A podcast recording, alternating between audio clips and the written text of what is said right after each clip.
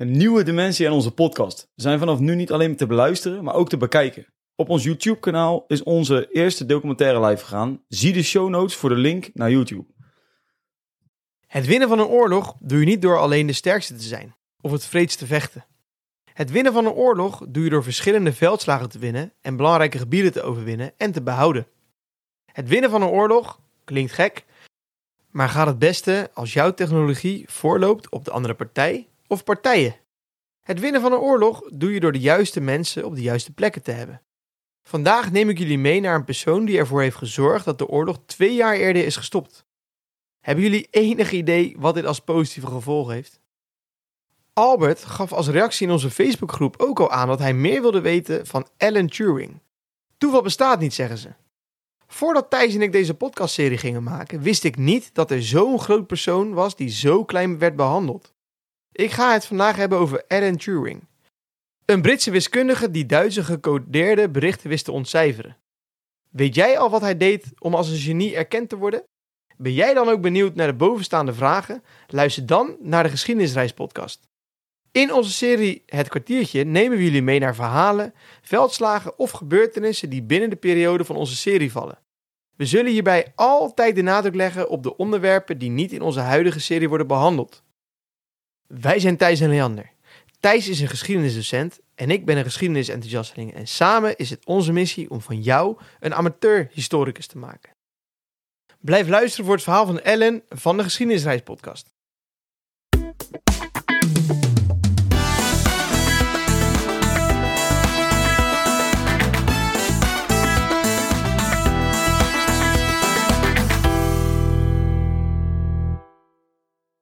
De Duitsers stuurden berichten naar elkaar die ze via een speciale computer verstuurden. Dit om routes en plannen met elkaar te delen. Ik ga het proberen uit te leggen en zo beeldend mogelijk over te brengen. Dit deden ze met een computerkast wat ze het Enigma-machine noemden. Enigma is Grieks voor raadsel en wij Grieken zijn ook overal, hè? Het heeft een toetsenbord wat verbonden is met lichtknopjes die dezelfde letters hebben. Wanneer je een toets indrukt, gaat dit langs een stekker die naar een rotor gaat. Die verstuurt dit dan door naar een andere letter. De rotors in een machine kan je het beste zien als een schijf met tandwieltjes met aan de zijkant de letters van het alfabet. Iedere keer als er een letter binnenkomt, zal de rotor een tandwieltje verder draaien, waardoor er telkens een andere letter oplicht. De letter V die je dan indrukt, wordt door dit proces uitgelicht in het bolletje van bijvoorbeeld de letter K.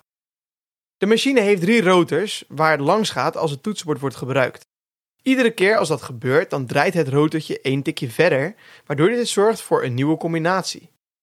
De rotorschijf schiet een tandwieltje verder, waardoor de volgende letter, bijvoorbeeld de letter P, toets ergens anders weer oplicht. Bij de letter M bijvoorbeeld. Iedere keer als er een toets wordt ingedrukt, herhaalt dit proces zich, waardoor het geen structuur en patroon krijgt. Er is geen algoritme, dus iets wat een standaard volgorde heeft.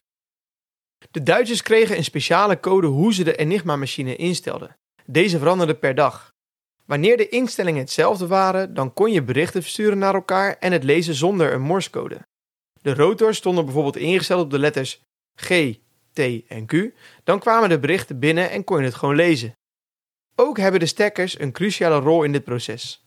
Wanneer je de stekkers anders in het moederbord stopt, dan zal het via een andere weg bij de rotors komen, waardoor het proces in het oplichten van de letters dan weer door de war geschud wordt.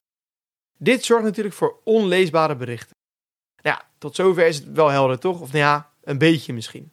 Het lijkt een beetje alsof je een pizza moet maken en iedere dag krijg jij een ander recept van hoe je de pizza moet bereiden. Van het deeg maken tot het instellen van de oven. En dit verandert dan elke dag. Nou ja, succes daarmee dan. Nu hebben we gedeelte 1 gehad. Zit in het koppie. We gaan nu naar het volgende. Jullie hebben nu een beeld van hoe het te werk ging vanuit de Duitsers. Vechten werd dus niet alleen gedaan in het slagveld, maar dus ook op afstand. Elkaar verslaan zonder te schieten en te moorden, maar door codes te kraken. Het lijkt wel een spelletje. Dit spelletje kent een hoop miljoenen winnaars. Bedenk maar alvast hoeveel mensen aan het winnen zijn aan het einde van de oorlog door onder andere onze held Alan Turing en zijn computers en natuurlijk zijn kameraden. Nog even geduld, want straks brand ik los over de genie van vandaag. Eerst neem ik jullie eventjes mee naar een andere grootheid. Want waar komt het nou vandaan, die codetaal? Julius Caesar, die ene bekende van vroeger, weet je wel, hij deed ook al aan morsecode.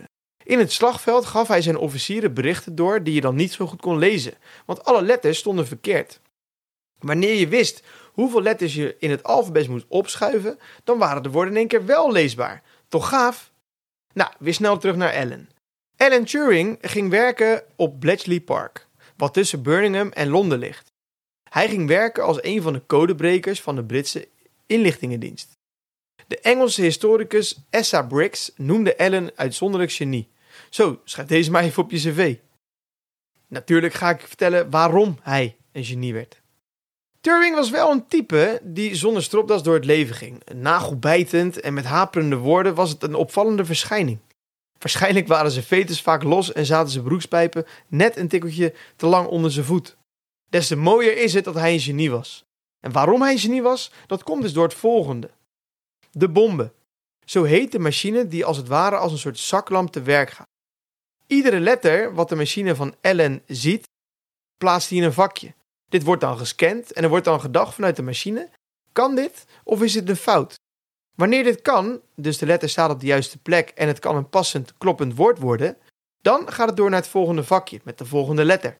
Klopt het niet, en dat was heel vaak het geval, dan wordt de letter of de code op een ander plekje geplaatst. Zo werd geprobeerd de morsecode te kraken. Het werd dus uitgegumd en op een andere plek neergezet, kan je zeggen.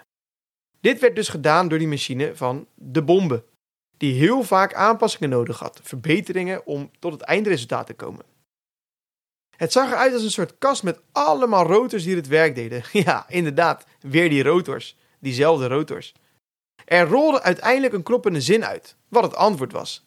Een antwoord terwijl ze niet eens een vraag hadden gesteld.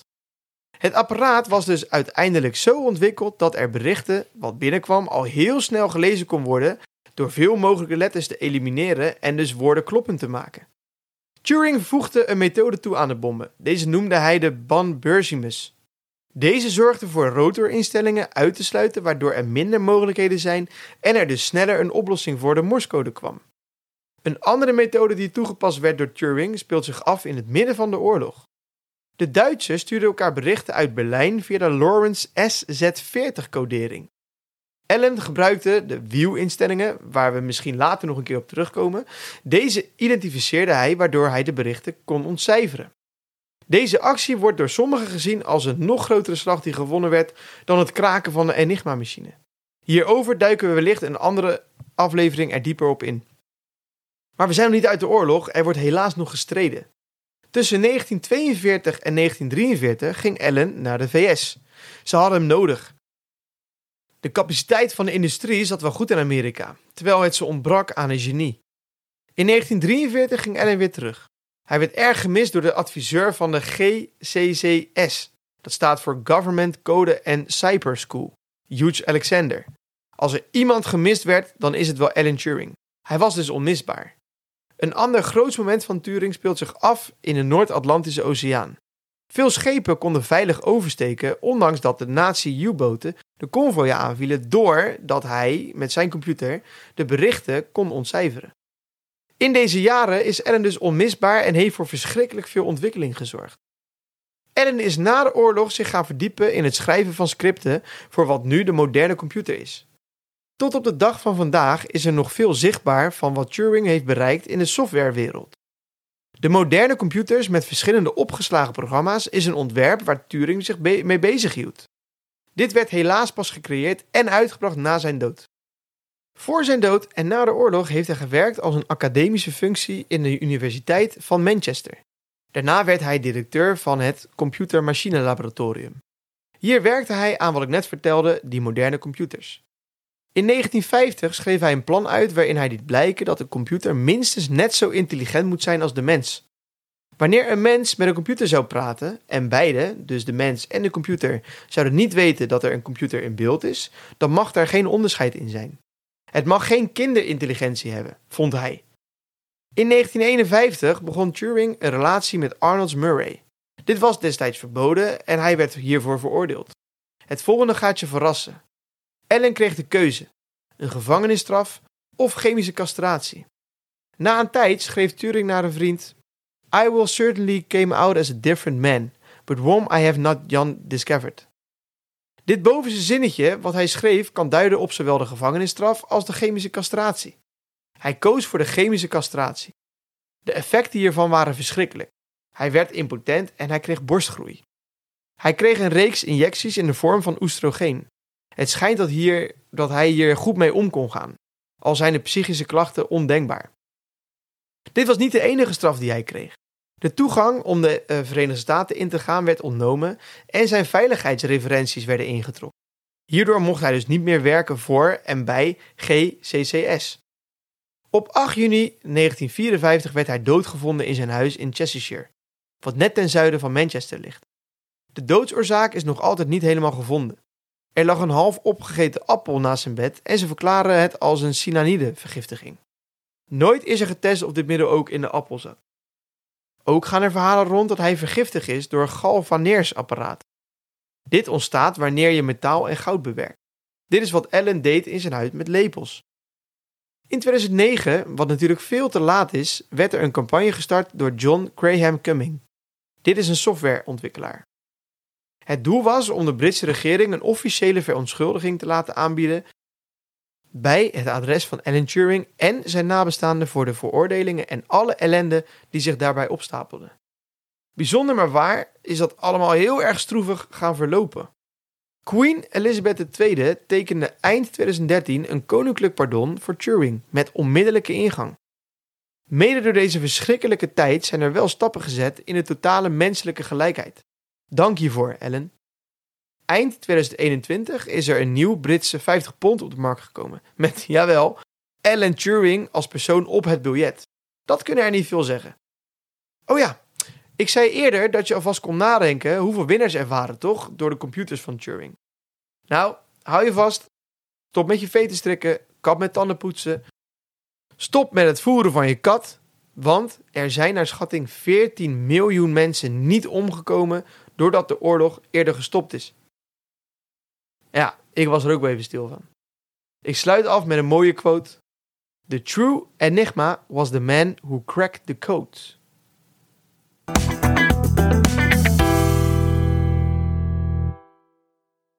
Als jij geïnteresseerd bent in het verbreden van jouw kennis over geschiedenis, of af en toe gewoon leuke discussies wilt lezen of voeren, dan is onze Facebookgroep misschien wel wat voor jou.